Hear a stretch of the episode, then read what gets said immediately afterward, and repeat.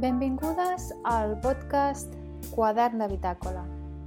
Jo em dic Núria Domingo, sóc arquitecta autònoma i em dedico a realitzar estudis de viabilitat arquitectònica i econòmica d'habitatges per trobar-los una sortida al mercat, més enllà de la compra i el lloguer, a través de les alternatives d'accés a l'habitatge i tinences intermèdies.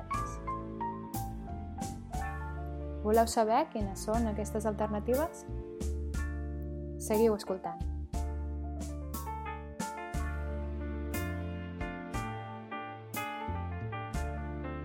Si a més a més voleu consultar tots els episodis, seguiu-me a Instagram, arroba nudg o busqueu el hashtag quadern bitàcola.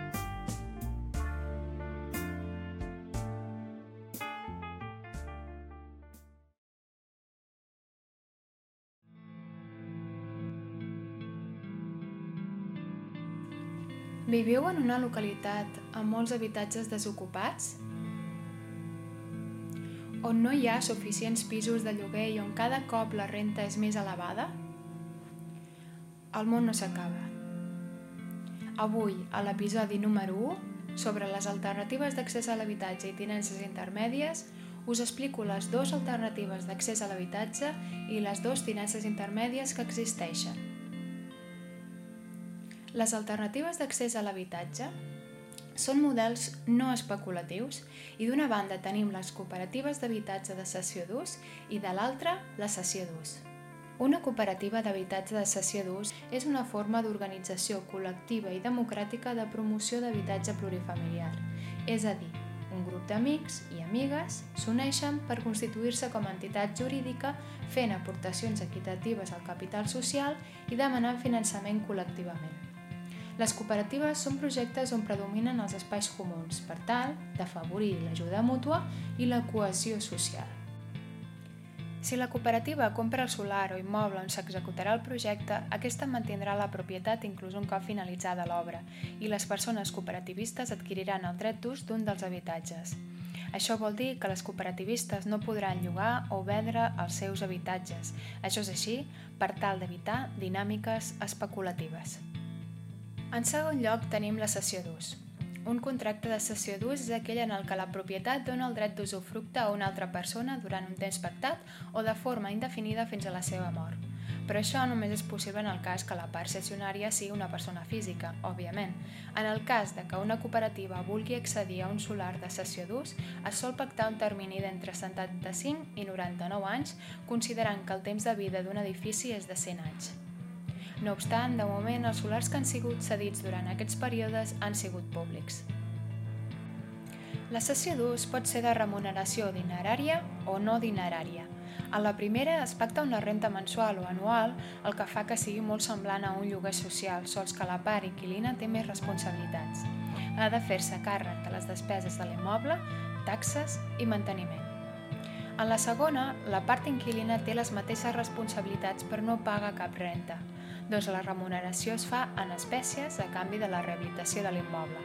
En aquest cas, per tant, parlarem de cessió per rehabilitació o masoveria urbana.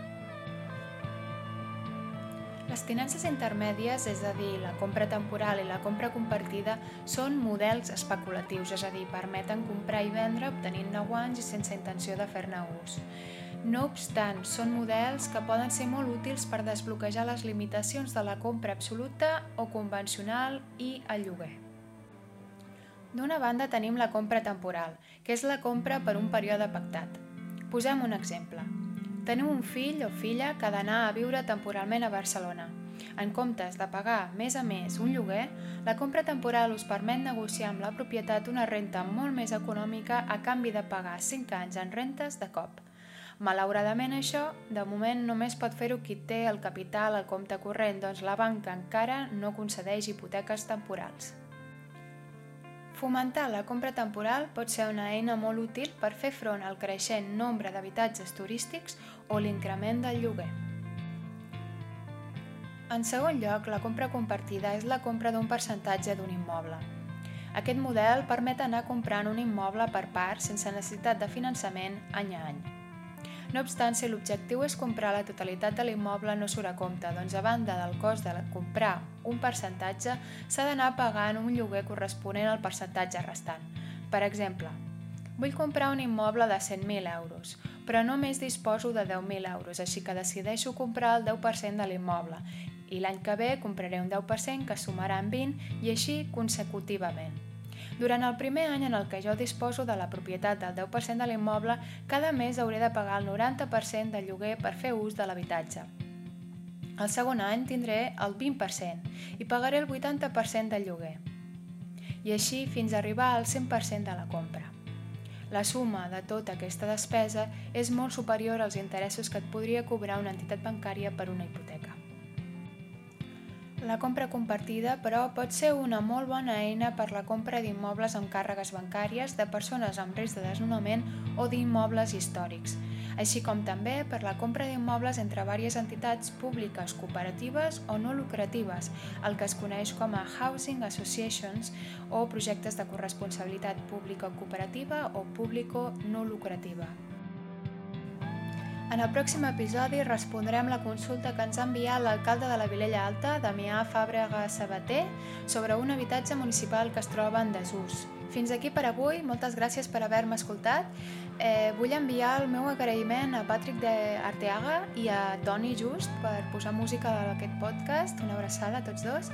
I si teniu un dubtes o algun problema, ja sigueu propietaris o persones amb necessitat d'habitatge, deixeu-me els vostres comentaris, eh, envieu-me un privat a arroba nudeg o envieu-me un correu a nuriadomingo arroba zohomail.com